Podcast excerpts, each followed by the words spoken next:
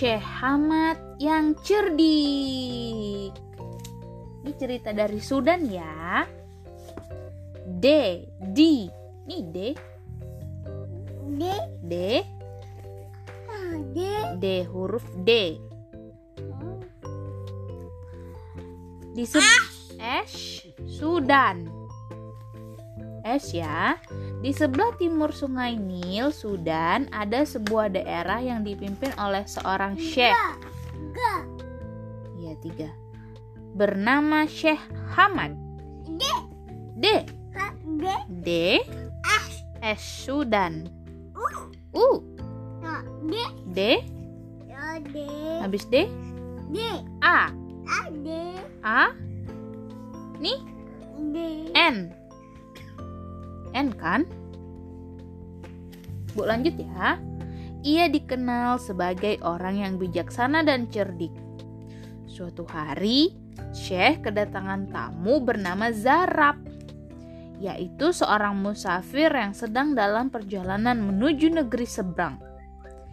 Syekh Hamad menjamu tamunya dengan baik. Zarab disuguhi hidangan-hidangan yang lezat dan pertunjukan yang sangat menghibur. Malamnya Zarab Ayu tertidur pulas di tenda burung. Zarab tertidur pulas di tenda yang disediakan Syekh Hamad. G Saat pagi tiba, tiba Zarab bangun dan menyadari bahwa uang-uang dan emasnya telah hilang. Seseorang telah masuk ke dalam tendanya pada saat ia tertidur pulas. Iu Ia lalu Iu. mengadukan hal ini Iu. kepada Syekh Hamad. Iu Tenanglah, tidak usah khawatir. Sebelum tengah malam kita akan mengetahui siapa pencurinya. Ujar Syekh Hamad. Namun, jangan ada orang yang tahu bahwa telah terjadi pencurian tadi malam.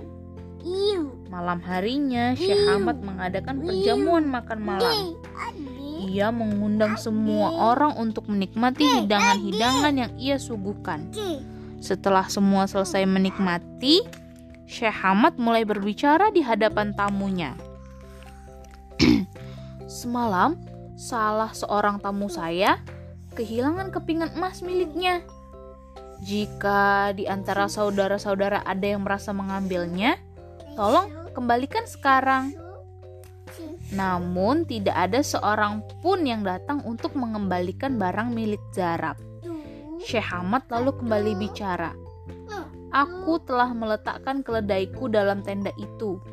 Aku harap satu persatu masuk tenda itu dan memegangi ekor keledai dan keluar dari pintu yang lainnya.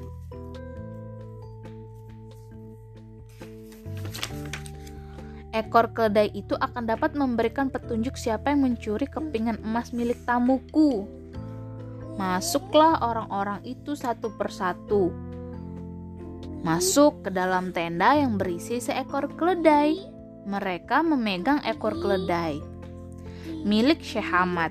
Setelah semua selesai, mereka diminta berbaris memanjang. Lalu, Syekh Hamad mulai mencium tangan orang-orang itu satu persatu. Ketika mengendus tangan seseorang bernama Omar, Syekh Hamad berhenti. Hmm, kaulah yang mencuri uang emas itu, kata Syekh Hamad.